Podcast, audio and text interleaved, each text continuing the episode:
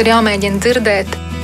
Tad, kad bērns ar tevīm sarunājās, ir jānoliek malā pilnīgi viss un jāapskatās viņam acīs. Mēs tiekamies ģimenes studijā.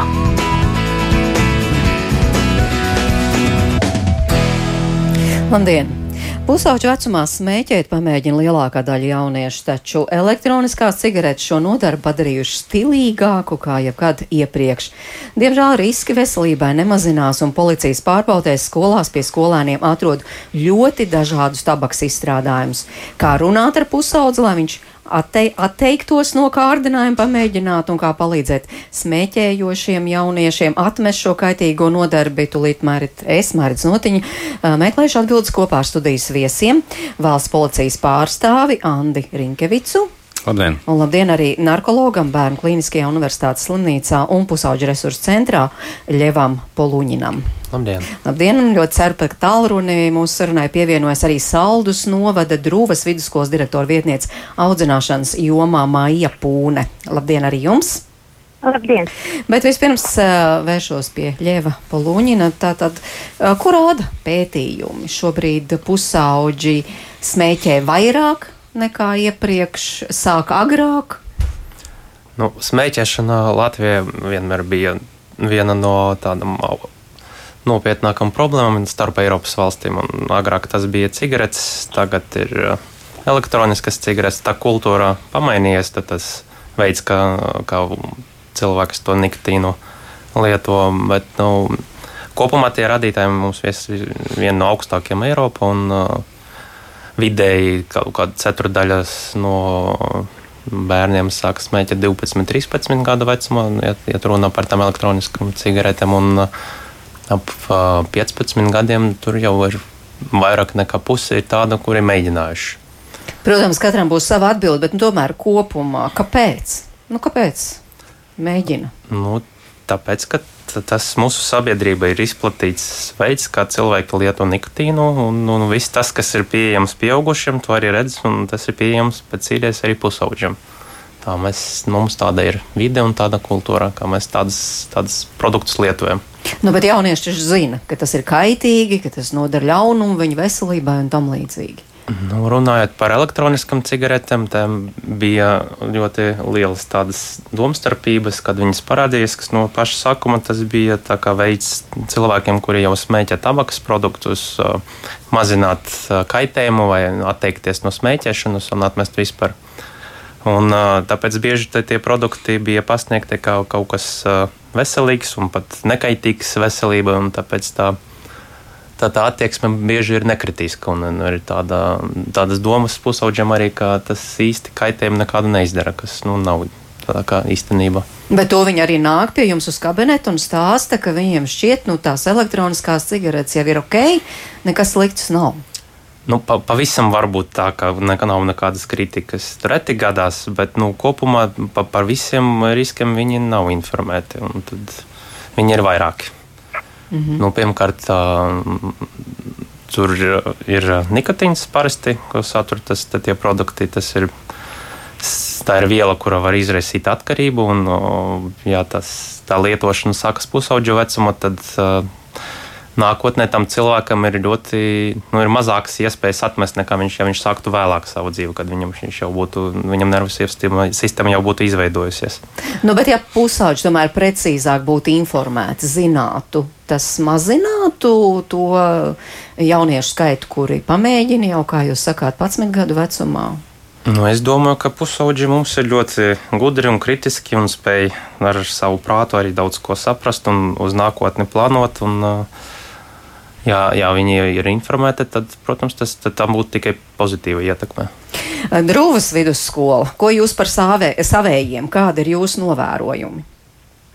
Jā, tas uh, ir pilnīgi noteikti, ka šis elektronisko cigarešu skaits uh, un, un lietošanas apjoms skolā pieaug, jo, ja tas bija parastās cigaretes kādreiz, tad uh, to varēja ātrāk uh, noreaģēt, jo tas bija redzami, jūtami. Uh, un, un tā, bet šīs elektroniskās cigaretes ir tās, kas nu, neatstāja tādu nepatīkamu aromātu.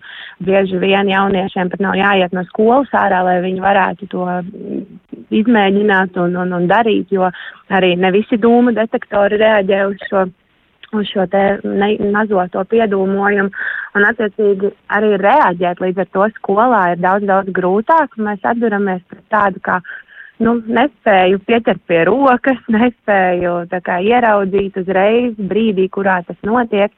Un, un, un jāsaka, jā, kad uh, gribētos domāt, ka tas tiešām arī tā ir, kad uh, šis apjoms tiešām pieaug. Nu, jūs teicāt, grūtāk, īpaši domājot par elektroniskām cigaretēm, noķert to pusaudzes pie rokas, bet, nu, tomēr kaut kā taču jūs cīnaties ar šo problēmu, kā tieši jūs savā skolā. Nu jā, redziet, skola ļoti dažādi, vai ne? Skolas ir dažādas, tāpat kā arī ģimenes, un, un, un katrā ģimenē strādā savs modelis. Vienā ģimenē strādā aizliegumu un sodu un iebiedēšanu, kādā citā ģimenē strādā savukārt prevencija, kas ir saruna un izglītošana. Un, un tad skola ir tā vieta, kur satiekas abas divas šīs uh, puses un šīs dažādās ģimenes, un tad skolai ir jābūt uh, tai vietai, kas meklē to piemērotāko variantu, lai visi justos droši, pasargāti. Un uh, man gribētos domāt, ka mēs uh, mazāk strādājam ar sodiem un mazāk strādājam ar aizliegumiem un iebiedēšanu. Protams, ir noteikumi, kurus visi zina un ir informēti, bet uh, tas, ko mēs darām, viens ir šī izglītošana, lekcijas sadarbībā ar biedrībām, papardus ziets ar biedrību esi brīvs. Uh, gan stundās izmantojam materiāli, gan uh, septītajā klasē, kas ir īpaši tāds, uh, nu, īpašs vecuma posms mums visiem zināms, ir šī te motu programma, kas māca arī pateikt nē, bet lai jaunieši tā kā apzinātos, ka katrai rīcībai ir sekas, katram noteikumu pārkāpumam ir sekas un, un par sekām ir jāatbild, tad jāsaka, ka mēs jau pāris gadus esam tādā ļoti labā sadarbībā arī ar institūcijām. Uh, valsts policija un kurzems reģiona muitas pārvaldes kinologiem, kas mūsu skolā ir veikuši arī šos te policijas reidus. Un, un, un jāsaka, ka uh, tas arī ir viens no tādiem, nu, jāsaka, pierādījumiem, ka ir grūtāk atrast uh, elektroniskās cigaretes, jo šajā mācību mm, gada sākumā, kad mums arī bija šis reids, un tad jāsaka, uh, ir, ir nikotīns un nikotīna cigaretes parastās, kuras ir atrodamas uh, pie jauniešiem, bet ne ne elektroniskās cigaretes. Sunītam arī acīm redzot tās smaržvielas un ķīmisko vielu klātbūtni varbūt apgrūtina to procesu. Sabiedrībā ir ļoti dažāda attieksme pret šiem reidiem. Ir vieni skolēni vecāki, kur ļoti atbalsta. Piemēram, saka, jā, ka tiešām ka tas, kas šobrīd notiek skolās, ir murgs un, un ka šādus reidus vajag stipri vairāk un ka tā var iebiedēt dīlerus, bet ir arī pretējs viedoklis. Ko jūsu skolēnu vecāki par šo saka? Nu, sākotnēji nu, tas, tā, tas pirmais reizes bija nu, tāds uh, šokējošs gan bērniem, gan vecākiem. Un, uh, tad arī notika saruna gan ar vecāku padomu, padomus pārstāvjiem, kas tomēr arī runā savās klasēs ar vecākiem. Un jāsaka, lielākā daļa tomēr ir atbalstoša un saprot, ka tas ir veids, kā pirmkārt, kā jau es teicu, nu, bērns var iemācīties rēķināties ar sekām par savu noteikumu pārkāpumu, bet otrkārt tas ir arī veids, kā pasargāt nu, tos, kuri skolā ir atnākuši mācīties, nevis uh, piedzīvot spiedienu, pamēģināt uh, aizrauties ar kaut kādām vielām un, un tāpēc justies slikti, ka viņš, piemēram, nepamēģina vai, vai, vai, vai kaut kādā veidā izvairās no šīm kompānijām, kas mēs zinām, ka jauniešiem tas ir ļoti svarīgi konkrētā vecuma posmā. Nu, jāsaka, ar katru šo reizi mēs esam uh, gudrāki savā komunikācijā, mēs uzreiz reaģējam, nosūtot ziņu vecākiem, izstāstot, kāda ir bijusi situācija, pastāstot, uh, kāds ir tas rezultāts, vai ir kaut kas atrasts vai nē, un aicinam runāt ar bērniem, un aicinam arī klasēs uzreiz pēc reidiem, tā kā klases skolotāji, kas ir tajās stundās, uzreiz arī šo sarunu risina. Tā kā ar katru to pieredzi mēs arī paši kļūstam gudrāki un saprotam, kā tā lieta ir nu, tā mazāk traumējoša vecākiem un arī bērniem. Nu jā, tiem reidiem dažādi ir, protams, ir tā kā jūs stāstāt, bet, piemēram, ir arī tā, kā sociālajos tīklos raksta pusauģis psihoterapeits Nils Saks Konstantīnos, un viņš raksta tā, man bija viens šāds puisis, kuram skolā kaut ko atrada šādā reidā. Skolotājs viņu pēc tam tā arī uzrunāja par narkomānu un tad viņš secina, labi, uzlaboja viņa izredzes. Jums ir mājiete, kas piebilstams? Uh, nu, katrā ziņā man jāsaka, ka nu, nē, līdz tiem līdz skolēniem uh, neaiziet noteikti, uh, lai gan skola ir maza, bet uh, tas ir pirmais, ko mēs arī sakam uh, bērniem, ko mēs sakam arī vecākiem, ja mēs redzam, ka kādu no klases uh, paņem ārā, tā ir saruna ar policiju. Tā, tas nav ne spriedums, ne galavārds, un tālāk tur būs saruna vienkārši ar vecākiem un jau ar institūciju darbiniekiem. Tā kā tas, nu, tas ir tas, ko mēs mācam un mēģinam arī jauniešiem skaidrot, kad uh, šis te reids nenorāda, ka, uzreiz, ka kāds ir sliktāks vai ka kāds ir uh, kaut ko izdarījis, bet uh, ka tas ir veids, kādā mēs mācāmies ieraudzīt, kas notiek ap mums skolā un uz to reaģēt. Nu jā, nu, piemēram, 25. martā valsts policija mm, veica šādu preventīvu raksturu pārbaudas divās izglītības iestādēs Bauskas novadā, uh, un tātad konstatēja četri jaunieši pēc sevis glabāt cigaretes un tabaks izstrādājumus, savukārt deviņi jaunieši elektroniskās smēķēšanas ierīces vēršos pie uh, Anda Rinkevica. Nu, atradāt, bet kā tad tālāk, kā policija rīkojas tālāk? Um, nu tas, ko mēs esam izdarījuši, ja, tas, ja runa ir par elektroniskajām vai jebkura veida teiksim, cigaretēm, tad faktiski tas jau ir pārkāpums, kas ir nofiksēts bērntiesība aizsardzības likumā. Jo, Šobrīd, par laimi, mums no, no tāda kontrolas efektivitātes viedokļa šīs smēķēšanas ierīces bērni, nepilngadīgās personas nedrīkst arī glabāt. Tātad mums nevajag pierādīt vai redzēt faktu, ka viņš viņu lieto. Līdz ar to, protams, ir krietni, krietni vieglāk strādāt. Un tad, protams, inspektori skaidrotu šos apstākļus, jo mums nekad nav patiesībā pašmērķis bijis sodīt, jo gadā vismaz no valsts policijas puses, ja nemaldos, līdz 2000 nepilngadīgos mēs saucam pie atbildības par, par smēķēšanu. Uh, tomēr galvenais jau patiesībā mums ir noskaidrot, pie kādiem apstākļiem viņš ir ieguvis šo mantu. Uh, tātad patiesībā tikt jau krietni, krietni tālāk pie šiem izplatītājiem. Jo jāsaka godīgi. Uh, šīs elektroniskās cigaretes vai parastās cigaretes, nu, tā nav nekāda teiksim, mafija organizētā noziedzība, kura ienes šīs cigaretes mācību iestādē. Tie ir viņu pašu kolēģi, tātad citi skolēni, brāļi, māsas, tā skaitā arī bijuši pilngadīgie brāļi, māsas, kuri, kuri saviem nepilngadīgajiem nodod šīs te, uh, cigaretes. Līdz ar to mūsu mērķis patiesībā ir pārtraukt šo procesu un nepieļaut to, ka skola ir tāda, nu, teikšu, tāda netīra vide. Skolai būtu jābūt tiešām tīrai vidē no jebkurām atkarības vielām, tā skaitā arī cigaretēm. Nu jā, par tiem pilngadīgiem skaidrs, bet nu, nepilngadīgi ar kaut kā tiek pie viss šī jums ir. Uh, saprašana, kā tas notiek? Jā, nu tas, tās pieejas ir dažādas, vai iespējas ir dažādas. Teiksim tā, ja agrāk, nu, daudzus gadus atpakaļ, mēs tiešām varējām ļoti daudz konstatēt gadījumus, ka tirzniecības vietas šīs te, faktiski legālās cigaretes tirgo nepilngadīgām personām, tad organizējot tādus plānveida kontrols pasākumus, mēs aizvien mazāk konstatējam, ka kāds pārdevējs šīs cigaretes pārdod. Un, ja arī tādi gadījumi ir, tad faktiski lielākoties tie tomēr izskatās tādi vai nu noguruma pārskatīšanās, vai, vai neienāca prātā, nepajautāja, nu, ka tas nav tāds gluži apzināts, apzināts solis. Liela daļa šo te, mm, ierīču vai, vai cigarešu nepilngadīgās personas var iegādāties no citām nepilngadīgām personām, kur, kurām, kur, no, pie kurām tie nonāk no, no pilngadīgām personām. Mm -hmm. Tas ir no rokas rokā, vai arī ļoti lielu, lielu lomu šeit spēlē sociālie tīkli. Nu, tad jau faktiski tie kā sūtījumi var tikt sūtīti. Tas, protams, izmaksas uzreiz palielina, bet, nu, būsim godīgi, ja tā ir elektroniskā cigarete, tad viņai šis te dūmu skaits ir krietni, krietni lielāks un, nekā, nekā parastām cigaretēm. Līdz ar to arī, arī šī te, nu, loģistika atmaksājās, tā piegādes ceļš atmaksājās. Bet jūs teicāt, ja policija atrod šādos reidos, jūs nesodat. Jūs, skatāmies, jā, bet sots tomēr ir paredzēts. Sots, ne tikai sots ir, sots ir, ir paredzēts, viņš ir maziņš, tie 3 līdz 3 soda punkti, ja nemaldos, tie 15 eiro.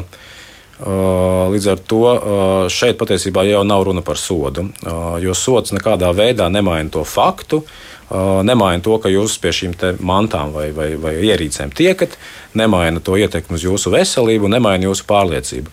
Patiesībā sots ir tāda, nu, viens no instrumentiem, kur daudz cilvēku vēl aizvien kļūdien uzskata, ka viņi kaut ko maina. Bet patiesībā sots tiešām ir, ja tā ir daļa no šīs profilakses, tad iespējams no tā ir jēga. Pretējā gadījumā, diemžēl, nē. Ļev, kāds ir jūsu viedoklis, no kā patiešām ir jēga?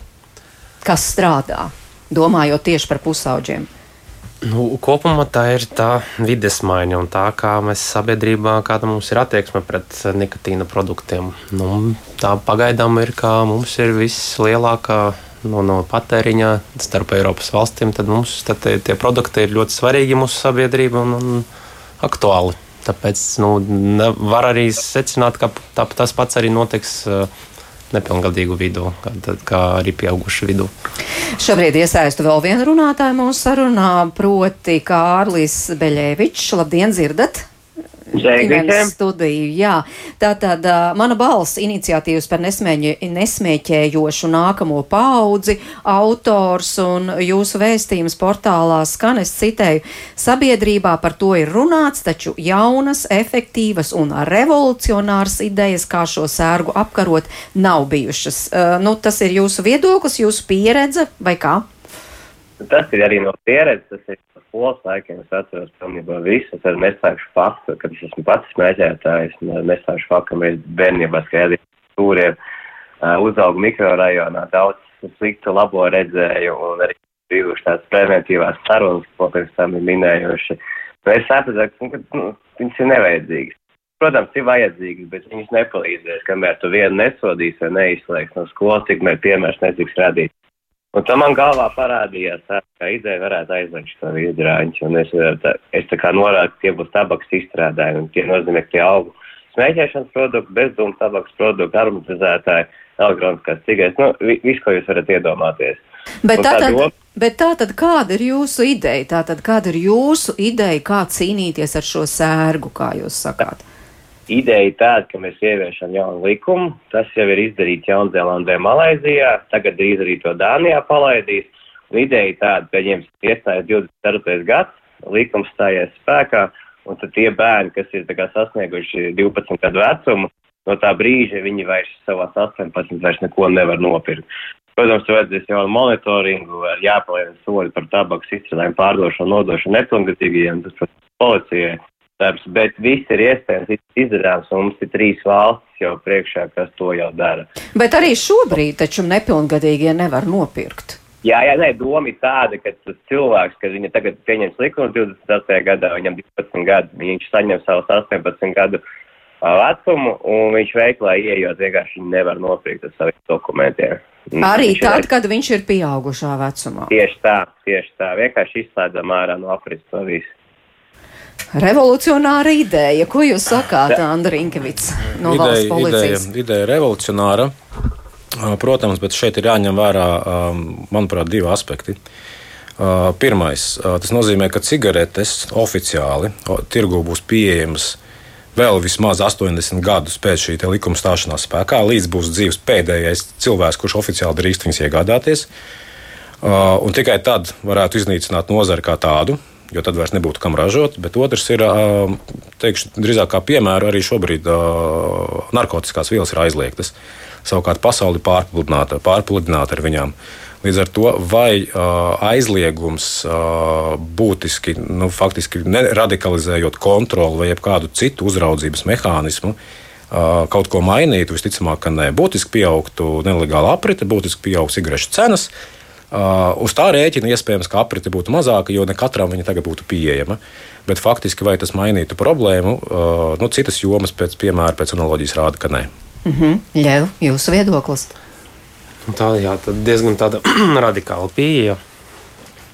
Nu, tāda liela pretestība dažreiz arī jā, var radīt tādu pretēju pretestību. Un es arī piekrītu policijas pārstāvim, ka, ka vielas ir kuras aizliegtas, viņu nav tā kā trūkuma, viņi ir pieejami. Un, ja runa par atkal legalizēšanu to vielu, un vai tas pats nenotiks ar cigaretēm tālāk, ka viņus aizliegs, pēc tam legalizēs, nu, tad Tā, nu, protams, tā būtu ideāla pasaule, kur, kur nav nekādas vielas, un mēs, nu, cilvēki neko nelieto tādu nu, psihoaktīvu vielu. Bet, Tas nav, nav tik viegli panākams. Ja jau vairāk par 7000 gadiem mēs tabakas produktus lietojam kā, kā cilvēku sabiedrībā un no senas Eģiptes. Varbūt ir iespējams tā ātri to visu atrisināt, bet man šķiet, ka tā ir problēma. Jā, ja drīkst papildināt, tad patiesībā runājot no tāda seku viedokļa. Uh, viens ir sekas veselībai, un tur es kā, uh, iekšā nejaukšos, jo, jo ir eksperti, kuri, kuri, kuri labāk par mani to zina. Bet, ja mēs runājam par, par cigaretēm, tad uh, ir patiesībā citas uh, atkarību izraisošas vielas, kuru efekts uh, vai defekts ir krietni lielāks un kas ir šobrīd uh, oficiāli atļauts, un tas ir alkohols. Uh, faktiski lielākā daļa vardarbības notiek uh, kaut kādā veidā saistībā ar alkoholu. Līdz ar to, ja mums būtu jā, jā, jāveido tāda ļoti tīra un ideāla sabiedrība, tad patiesībā tas laikam būtu pirmais, ar ko sākt. Mhm. Jā, Kārlī, ko jūs šeit atbildētu un piebilstu, jo nu, nav arī ļoti daudz atbalstītāju jūsu idejai, tur nedaudz vairāk par tūkstoti. Tā mēs ticu, tā mēs ticu pilnībā, jā, viņi arī nav kārtīgi palaist tā kā vajag, bet es ticu, ka ar drakoniskiem sodiem visu var motivēt. Paldies! Jā. Un dar, Jā, paldies Kārlim Beļevičam par iesaistīšanos. Tātad iniciatīvas par nesmēķējošu nākamo paudzi autoram. Starp citu, arī klausītājiem aicinājums iesaistīties. Varat jautāt, varat komentēt, un, piemēram, Gatis mums raksta, lai cik tas nebūtu nesaprotam, bet ir taisīt pētījumu, ka daudzi medicīnas studenti arī pīpē. Nu, viņi taču lieliski zina par visām šīm sekām un nelabvēlīgo ietekmu uz veselību. Ļev, kā jūs skaidrotu? Nu, tā es skaidrotu, ka nu, cilvēks neparvaršas pa kaut kādu citu dzīvu būtni atkarību no savas specialitātes. Un, un, un tāpat tas pats arī attiecas uz medicīnas darbiniekiem. Viņi ir cilvēki, viņiem var būt slimības visādas Viņam var būt somatiskas saslimšanas, viņam arī var būt psihiskas saslimšanas. Un atkarības no psihoaktīvām vielām tā ir psihiska saslimšana, un ar viņu var slimot jebkuras profesijas pārstāvis. Un Jā. Tas pats arī nu, to var izskaidrot arī tabakas produktu un nikotīna produktu lietošanu. Eh, klausītāja eh, Vija, viņa ir skolotāja, viņa raksta balvu novada skolā atrada gan cigaretes, gan narkotikas, savukārt alkohola skolāniem gadiem ilgi pērk vietēji alkohola cienītāji gados, bērni viņiem vien iedod naudu un vajag biežāk kontrolēt, nevis reiz gadā rīkot reidus. Droši vien ar tām cigaretēm arī varētu būt līdzīga situācija, jo tiešām uz tām cigaretēm šoreiz es uh, varētu, varētu piekrist uh, klausītāji, jā, uh, jo, ja mēs runājam par prevenciju, un iepriekšējā sarunā jau ar, ar mācību iestādi bija lieliski ieskicēts, ka viena lieta ir skaidrot, stāstīt, izglītot, bet daļa no prevencijas arī kontrolas nodrošināšana. Un šeit uh, es piekrītu, ka uh, runa ir par uh, to, ka šāda, šādām kontrolēm ir jābūt. Uh, viņām jābūt ir, teiksim, tā, civilizētām, un ja kāds no klausītājiem domā, ka policija ielaužās ar, tagad, ar, ar dienas suņiem mācību iestādē, visus nogulda uz zemi vai pieliek pie sienas, nu tā gluži nav. Tas ir ļoti civilizēts un, un, un, mm -hmm. un labi organizēts pasākums, lai neradītu nekādas traumas. Un attiecībā uz tiem kontrolas pasākumiem, tas, protams, ir resursu jautājums. Līdz ar to mēs ļoti skaidri nodalām prioritātes un pamatā tādēļ koncentrējamies uz narkotiskajām vielām, lai tās nebūtu, ņemot vērā viņu šo te, kaitējumu. Un tad jau, protams, narkotisko vielu kontrolas ietvaros patiesībā jau parādās arī cigaretes un visas pārējās atkarības vielas. Nu jā, bet šeit bija piebilde arī par to sabiedrības atbildību, jo reku jā. labais unkuls tur pie veikala vienkārši nopērk. Uh, Druva, esat arī kaut ko tādu pamanījuši pie sevis?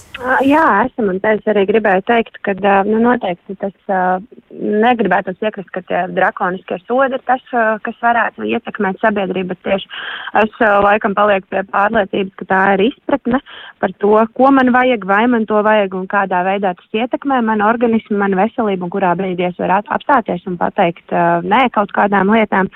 Un sabiedrības piemērs un vecāka izpratne, man liekas, ka tas ir tas, ar ko būtu jāstrādā primāri, lai jaunā paudze redzētu šo piemēru. Un uh, gribētu teikt, ka runājot par visām šīm jaunajām aprēbinošajām vielām, kas ienāk, uh, ienāk jauniešu vidū, mēs nekā pedagogi, nekā vecāki, mēs neesam informēti. Mēs nezinām, ko nozīmē, ja viņš kaut ko nemanīti tur aiz lūpas un pasaka, ka tā ir košļene, vai, vai, vai mēs nezinām, ko nozīmē, ja viņam parādās šis te flomasterītis vai ne, dīvainais penāli. Un, un, un, un tas ir tas, pie kā, manuprāt, ir jāstrādā, ir jābūt šai vecāku izpratnē un sabiedrības informēšanai. Un, un, un tikai tajā gadījumā, kad mēs uh, katrs iejauksimies un iesaistīsimies, tad, man liekas, arī būs kaut kāds, kaut kāds rezultāts. Jo tieši par šiem cilvēkiem, kas kādam kaut ko ir nopirkuši, jā, to zina, un jā, par laimi jāsaka arī tur tā mūsu mazajā miestā.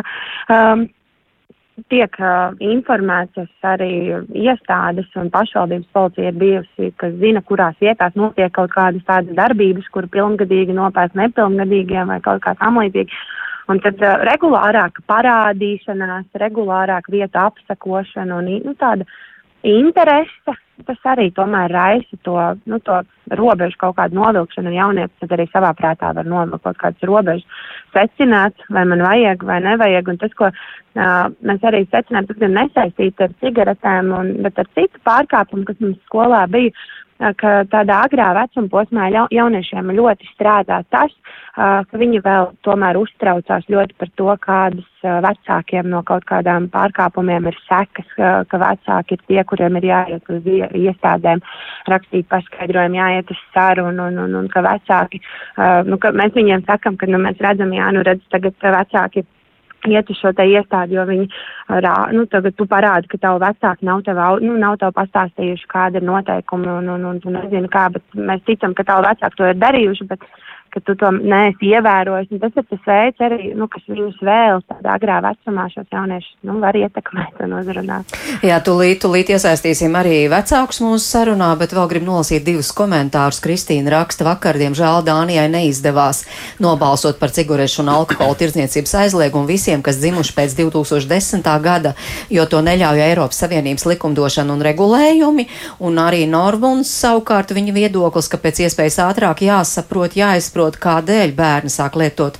Jāizskauj sākotnēji bravūrīgie viltus līderi, kas piespiež un nodarbojas ar mobbingu, un šī iemesla dēļ nesmēķētāji kļūst par piespiedu smēķētājiem. Nu, piespiest laikam nevar, bet, bet nu, tomēr tā jauniešu vidē tas piemērs ir svarīgs, vai ne?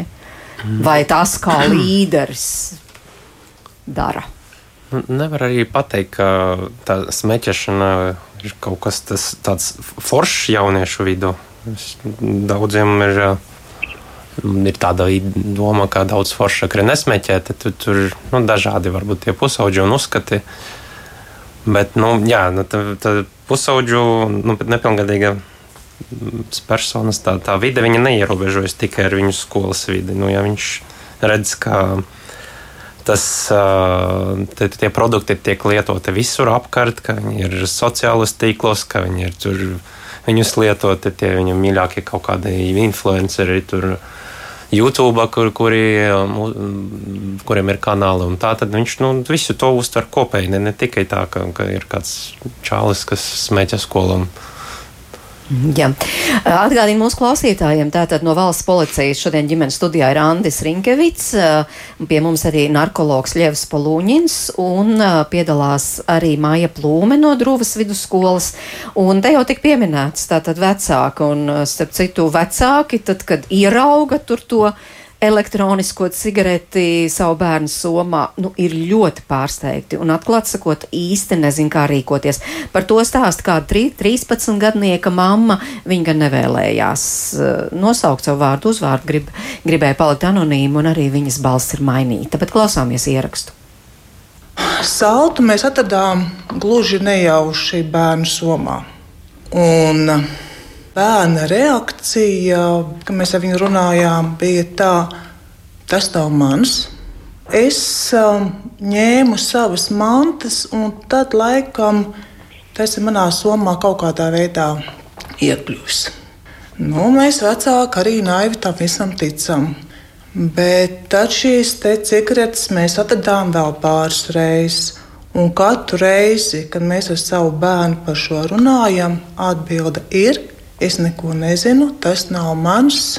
Bet uh, nedēļa atpakaļ no rīta pamodās ar, ar tekstu, ka viņam ir ļoti slikti. Tad bija vemšana, un tad, kad vācām visu to, kas, kas bija savācams, tad tur atkal bija viens salds. Vai sliktā duša ir saistīta ar salta lietošanu, vai nē, man to ir grūti pateikt. Tā kā vairāk vai mazāk tas turpinās, jo mēs to saucu esam apbūt kādus. Četrus, piecus bērnu mantās atraduši, ja, man ir grūti pateikt, cik ir tie, ko mēs neesam atraduši. Un it kā tu jūti, ka kaut kas nav kārtībā, bet tīras, skaidras pārliecības, ka tas tiešām ir tas, nav. Tad mēs sākām meklēt, ko darīt šādā situācijā. Es uh, sazvanīju telefonu numuru, kur var zvanīt pusauģi par saviem jautājumiem, tur interesēties. Tur vairāk bija tā kā tāda psiholoģisks atbalsts, aicinājums sazināties ar skolu. Bet arī tajā pašā laikā tu vecāks domā, nu, ko darīs. Sazināsies ar to skolu un kāda būs tālākā rīcība. Kas sekos tālāk? Vai šis jautājums tiks risināts kaut kā tā diskrēti, vai par viņu zinās visa skola? Tad bija tāda doma, nu, jāiet uz policiju. Nu, kā, tāda līnija esmu atradusi bērnu 13 gadi. Viņš nav tiesīgs šos preparātus iegādāties. Kur tad viņš viņus dabū kādā veidā? Un tā kā šis pats jautājums, nu, kas būs tas policijas darbinieks, cik viņš būs pretīm nākošs. Un kas būs, ja katrs vecāks var atrast to saldu, tagad ies pie policista, nu, arī no vienas puses tāda, nu, it kā jā, it kā nē. Un tad vienā brīdī bija tā doma, nu labi, vispār neliekamies nezinis, šī tāda situācija vispār nav, ieliekam galvu smiltīs, mūsu nav. Bet tā kā tajā pašā laikā, agrāk vai vēl, tik un tā izpeldēs. Un tad mēs pēc kāda laika atradām jau Es jau nezinu, vai tas ir nākošais solis vai nē, pēc šo tabaku, kas tādos mazos maisiņos. Tā kā kožļājumā tabaka kaut kāda tāda, jā, no kurienes tas radies un kādā veidā tas ir. Un principā man jāsaka tā, tā ka es meklēju šo informāciju, ko man tagad darīt, man kā vecākam. Es esmu saskārusies ar šo lietu. Principā tas, ko es atradu, ir vairāk vai mazāk bija vērsts uz to, nu, tātad pie tā ir vainīgi vecāki, ka bērns to ir sācis kaut ko tamlīdzīgu lietot. Un visur bija šī informācija, sots, sots, sots, sots. Administratīvais sots līdz 14 gadu vecumam par to ir atbildīgi vecāki, pēc 14 gadu vecuma atbildīgs šis jaunietis. Un tad es sāku domāt, ko tu tev īsti darīt. Ja tu iesi pēc kāda pēc palīdzības, tad būs sodi bet kādi sodi. Un nav šīs informācijas. Esat saskārušies ar šo jautājumu, mīļie vecāki, vai nu tur atslābstiet, vai, vai saspringzinieties. Sākat pirmais solis. Darat šo, tad darat šo, tad darat to. Meklējiet palīdzību tur, vērsieties tur. Jo šī palīdzība ir jāmeklē. Man vēl vīrs sazinājās ar vienu psihiatru, vēl interesējās. Nu, tas ir kā mums mēģināja mierināt. Nu, Pusaudžiem šajā vecumā tas ir raksturīgi. Viņi grib iemēģināt jaunas lietas, viņi grib kaut ko citu iemēģināt. Bet atkal, kurā brīdī ir šī robežšķirtne, kad tas bērns pamēģina un apstāsies, un kurā brīdī būs tas, ka viņš ies kaut kur vēl tālāk, vēl dziļāk. Tāds atbildes arī joprojām nav. Un tad mēs sazinājāmies ar speciālistiem, aizgājām uz konsultāciju, tepat Rīgā. Un, uh, tur bija saruna ar psihologu. Tā saruna bija tāda ļoti, ļoti tāda saudzīga un tāda pretimnākoša. Un tad, jā, tad mēs esam tagad rindā, gaidām apmēram kāds trīs mēneši, kad būs izstrādāta programma, un kad mans bērns varēs apmeklēt šo programmu, tad skatīsimies, kas būs un kā būs tālāk.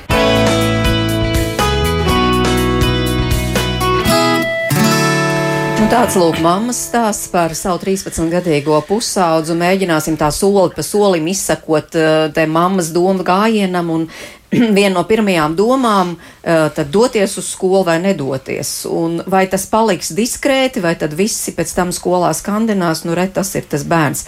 Uh, ko jūs māja teiktu? Ko jūs ieteiktu mammai? Iet uz skolu vai neiet? Nu, ja mammai ir sajūta, ka tas nāk komplektā ar skolu, tad uh, pilnīgi noteikti ir svarīgi aiziet uz to dialogu. Jo visdrīzāk ne tas bērniņš ir vienīgais, kuram uh, vecāki atrod somā kaut ko no šīm vielām.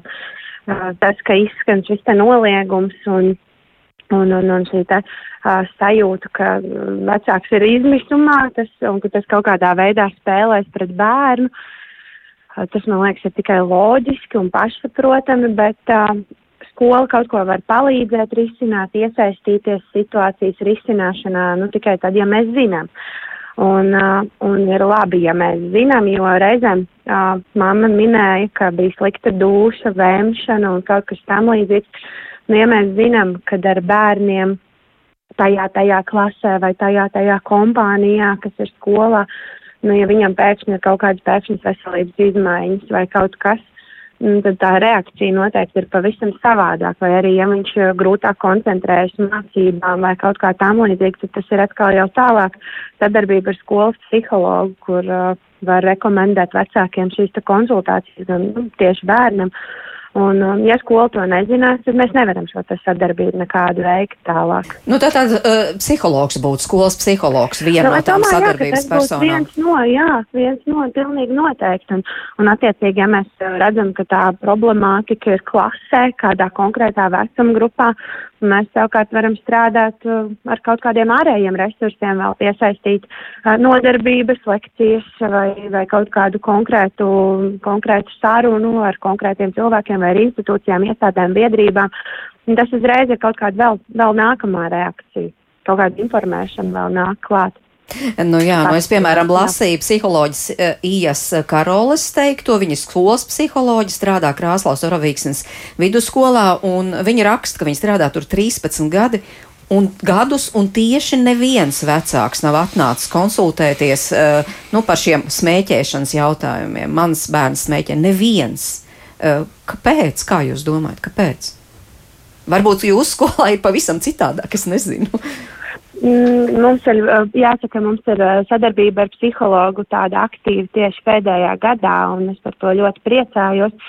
Bet uh, tas ir noteikti tieši tāpēc, ko jau minēja arī šī bērna mamma ierakstā, kur teica, ka ir bail, ka tas vērsīsies pret bērnu, ka bērnam tiks uzlikts kaut kāds zīmoks. Un, un, un tā, man liekas, ir tāda aizgājušā laika domāšana mazliet, kas, uh, kas liek, nu, tā kā uztvert to uzreiz kā, nu, kā kaut kādu negāciju, kas varētu nākt no skolas, no sabiedrības, bet uh, patiesībā jau nu, mēs visi esam interesēti, lai tā mūsu nākamā paudze ir veselīga, lai viņi spēj mācīties, lai viņiem nav šīs te, uh, trauc, nu, tādi kaut kādi traucējumi mācībās, nu, ko pavisam noteikti ietekmē šie te, šo te dažādo izstrādājumu lietošanu. Un tāpēc es noteikti aicinātu vecākus iziet uz šo te kontaktu un sadarbību ar skolu.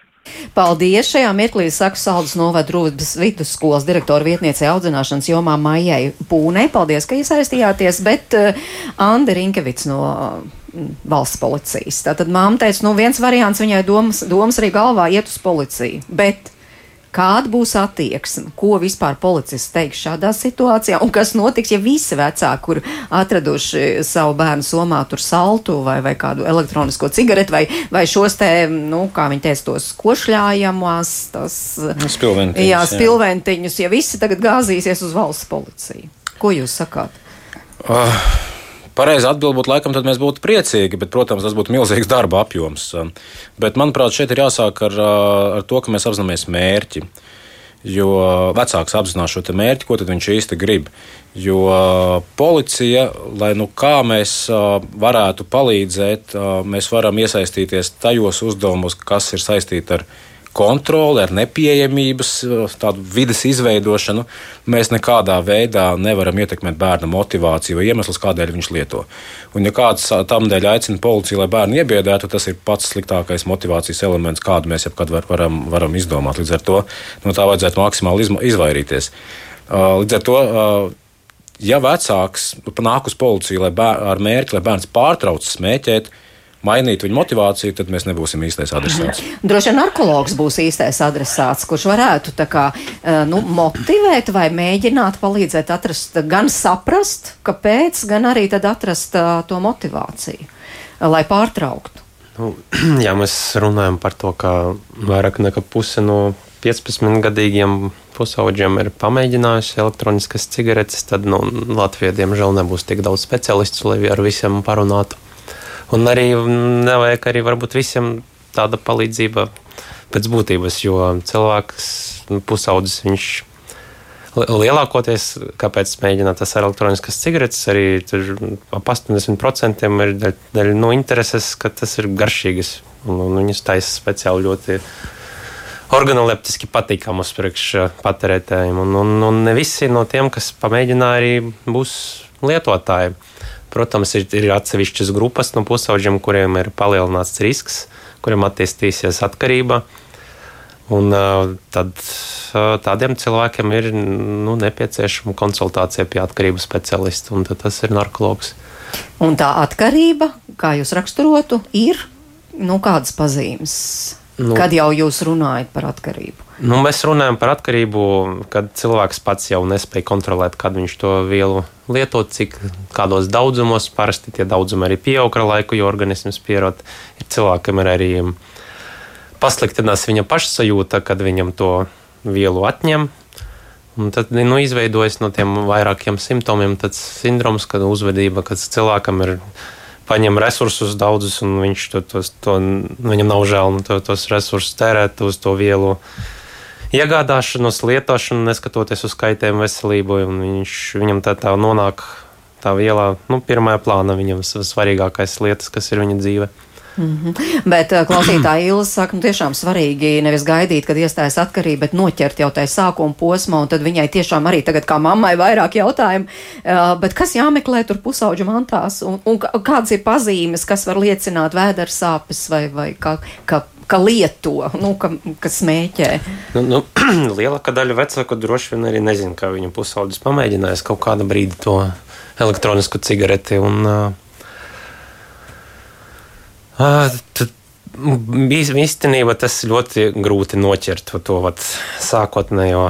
Jo nu, tas atsevišķas grupas ir nu, pusauģiem, kuriem lielāks risks uz atkarības. Tas ir nu, pusauģi, kuriem ir garas stāvokļa traucējumi, trauksme, depresijas, tie pusauģi, kuriem ir um, attīstība, neuroattīstības varianti, tādi kā uzmanības deficīts un hiperaktivitāte. Tad nu, priekš tiem pusauģiem ir nepieciešams vairākas uzmanības. Uh, Un, uh, viņam ir liela varbūtība arī būs nepieciešama palīdzība no, no ārsta puses. Uh, Bet tā nodrošināt visu pusauģu, kas pamēģina elektroniskas cigaretes uh, apmeklējumu pie ārsta, tas ir grūti. Tāpēc mm. no, kaut kāda daļa paliek arī vecākā ziņā. Drīkst, Protams, jā. Drīkst papildināt, tad, manuprāt, tas, kas būtu tiešām būtiski vecākiem, kur nevajag, nevajadzētu gaidīt, uh, uzrakstīt ēpastu tai pašai skolai vai valsts policijai uh, par to, kas ir konstatēts, kad ir šāda teiksim, aprite. Jo, būsim godīgi, mums tā informācija ir nepieciešama, lai nofiksētu to brīdi, kad sākās, kad tā problēma pieaug. Jo pretējā gadījumā arī mēs nogulēsim to situāciju. Otrs, protams, ir tas nākamais līmenis, konstatēt un saprast, tā, vai bērns lieto regulāri. Vai tā ir pamēģināšana? Kurā brīdī tas iestājas? Nu, protams, visticamāk, sākumā tā ir saruna, un tad jūs laika gaitā skatāties, kas, kas mainās. Un trešais, kas būtu svarīgi, un tur paldies īstenībā arī Drūvas skolēm, par to, ka uh, iesaistās šajās ilgtermiņa uh, prevencijas programmās, tā skaitā kā MOT, uh, kur, kur veido gan tādu manu iekšējo attieksmi, gan arī to ārējo vidi. Uh, Manuprāt, tas ir tas, kas, kas, kas mums kopā visiem arī būtu uh, jātīst tālāk. Jā, nu vēl daži komentāri, piemēram, Daiga raksta, es neietu uz policiju, ne arī uz skolu, ar bērnu ir jārunā vecākam, var nesadzirdēt, tā ir laimes spēle, bet būs bērni, uh, kas atmetīs un būs tādi, kas neatmetīs. Mans dēls tagad jau 19 smēķē, zelē velku un es neko nevaru izdarīt. Esam bijuši gan policijā, gan pie psihologiem. Nevienam no šiem speciālistiem nav tādu argumentu, kas šo bērnu uzrunā ļoti bēdīgi. Nu, tāda lūga pieredze, vai arī uh, Raimons raksta, lielākā problēma, manuprāt, manuprāt, ir tas, ka vecāki uzskata un dod uh, priekšstatu, ka tas ir pieņemams. Likums aizliedz smēķēt bērnu klātbūtnē un, piemēram, koncertos, bet vai policists var atbildēt, cik ir piemērots sodi? Atceros koncertus vēl tad, kad tie notika bieži skat, uz skatuves, nu, teiksim, tur, jā, vai, vai blakus kaut kur visādi kūpošas kursteņi, acīm redzot, brīvdabas izrādēs, un, un, un tur policija nesteidz ar aizrādījumiem. Nu, tie ir tādi mūsu klausītāji novērojumi, bet grib iesaistīt vēl vienu mūsu sarunas dalībnieku biedrības sabiedrību un drošību valdes locekli Jevgēniju Rošķinu. Labdien! Halo, sveicināti! Jā, esat arī piefiksējis, ka šī ir problēma. Nu, noteikti, jā, nu, ir problēma, diemžēl. Kāds ir jūsu piedāvājums? Jo jūs atkal nu, uz citu pusi no šī palūkojaties, jo reizē jau arī mūsu jaunieši tagad ļoti daudz domā par, piemēram, par vides aizsardzību, lai vide tiktu pēc iespējas mazāk piesārņot, un arī šis varētu būt aspekts, kas varētu uzrunāt jaunus cilvēkus. Jūs zināt, eh, mēs savā biedrībā veicam visāds, eh, nu, lai palaikam labdarības pasākumus, jā, un īpaši tas vērst uz bērniem, uz bērniem no nelabvēlīgām ģimenēm. Un mēs tikam pie tādas skaidrības, ka, nu, diemžēl, zināt, ir tāds jauniešu maksimalisms, jā, un ar varu man liekas, ka ar jauniešiem neko īsti nevar panākt. Nu, tas ir mūsu viedoklis. Jā, tā kā nu, uz tiem visiem sodiem es skatos nu, diezgan tā. Jā, es domāju, ka tas tomēr viņus atbaidīs. Jā, un, man liekas, ka vajag tomēr pastāstīt vairāk par to problēmu. Jā, tieši. Un redziet, pasaulē tie elektroniskie cigaretes un līdzīgi tie produkti. Nu, nav, nav, tas ir tā kā jaunums, jā, un uh, vairāk cilvēki vēl nu, ne, nezin, kas īsti tas ir, jā, un uh, cik mēs veicam ap, aptauju nu, starp bērniem visādiem, jā, un vecākiem. Uh, cilvēki domā, ka tas ir kaut kāds garšīgs produkts, jā, varbūt pat līdzīgi kā saldējums, jā, un kas tam līdzīgs. Un uh, daži pat nesaprot, kad, kādu to kaiti veselībai, nu, šie produkti nes, jā.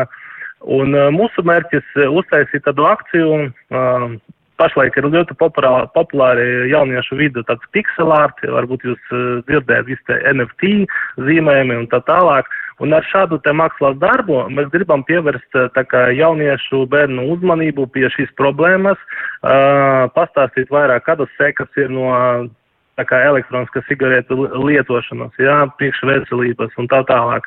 Un uh, tas projekts mums izpausies šādi, jā, mēs pašlaik vācam lielos daudzumos visād, visādas tas uh, izlietots uh, e-cigaretes un no viņiem veidojam mākslas darbus. Un uh, mūsu mērķis ir izveidot uh, tādu nelielu tā kā galeriju, tā var teikt, jā, tā kā mākslas darbu izstādi. Un uh, šo mākslas darbu izstādi mēs uh, plānojam nu, saskaņot no sākuma, protams, ar skolām, Latvijas skolām, jā, un vest un izstādīt, un lai bērni varētu kā aplūkot šos mākslas darbus, jā, kas noteikti, man liekas, ka viņiem patiks, jā, pievērsīs viņu uzmanību, uh, un tad uh, ar šo arī saprast, uh, kā, kādas ir tas sekas, jā, no tiem, no tā cigaretu lietošanas. Tas ir man, man liekas, ka tas, nu, nu, mums ir tāds, tāda ideja, mēs gribam pamēģināt, jā.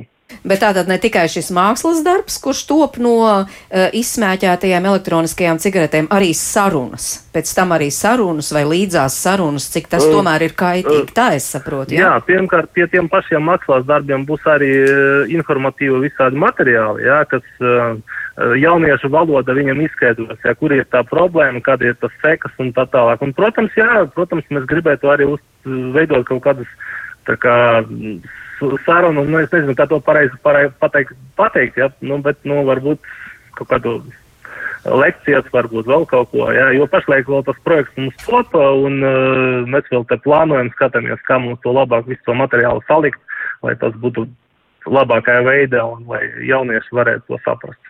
Paldies Jevgenijam Roščinam no Biedrības sabiedrība un drošība. Varbūt tiešām ir jāmeklē tagad vēl kaut kādas jaunas, spožākas idejas, kas uh, precīzāk uzrunātu jaunatni. Um, manuprāt, ar tām spožajām idejām ir jābūt ļoti uzmanīgiem. Jo mēs, protams, varam piesaistīt jebkuru mārketinga speciālistu. Viņš mums uztaisīs tādu spožu ideju, ka mēs vienkārši nespēsim nobrīnīties. Bet šeit man uh, narko, narkoloģijas speciālists neļaus samelot, ka uh, starpība starp preventīvu, tā teikt, informēšanu, brīdināšanu, mēs saucam to kā, kā gribam, un reklāmu, tā starpība ir ļoti maza.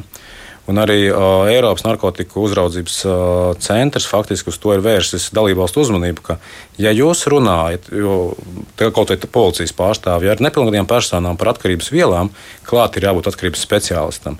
Jo pretējā gadījumā ir pietiekami daudz piemēru, ka faktiski tas pārvēršas tādā, nu, nevā, ne, negribētā reklāmas pasākumā un, un, un panākam patiesībā pretēju efektu. Bet tas, ko es vēl papildus gribēju pateikt, īstenībā, kas ir būtiski, ir tā kopējā sabiedrības attieksme pret smēķēšanu. Manuprāt, tās cilvēku iestāšanās par savām tiesībām elpot svaigu gaisu, nu, tīru gaisu, bez tabakas dūmiem, tomēr ar katru gadu uzlabojās. Un viens piemērs, no kā es secinu, ka vismaz mums tā informācija, kas ienākās kaut vai par smēķēšanu kāpņu telpās, nu, viņa ir būtiski mazāka nekā tas bija gadus desmit atpakaļ. Mm -hmm. Nu, re, kaut kas arī uz labu.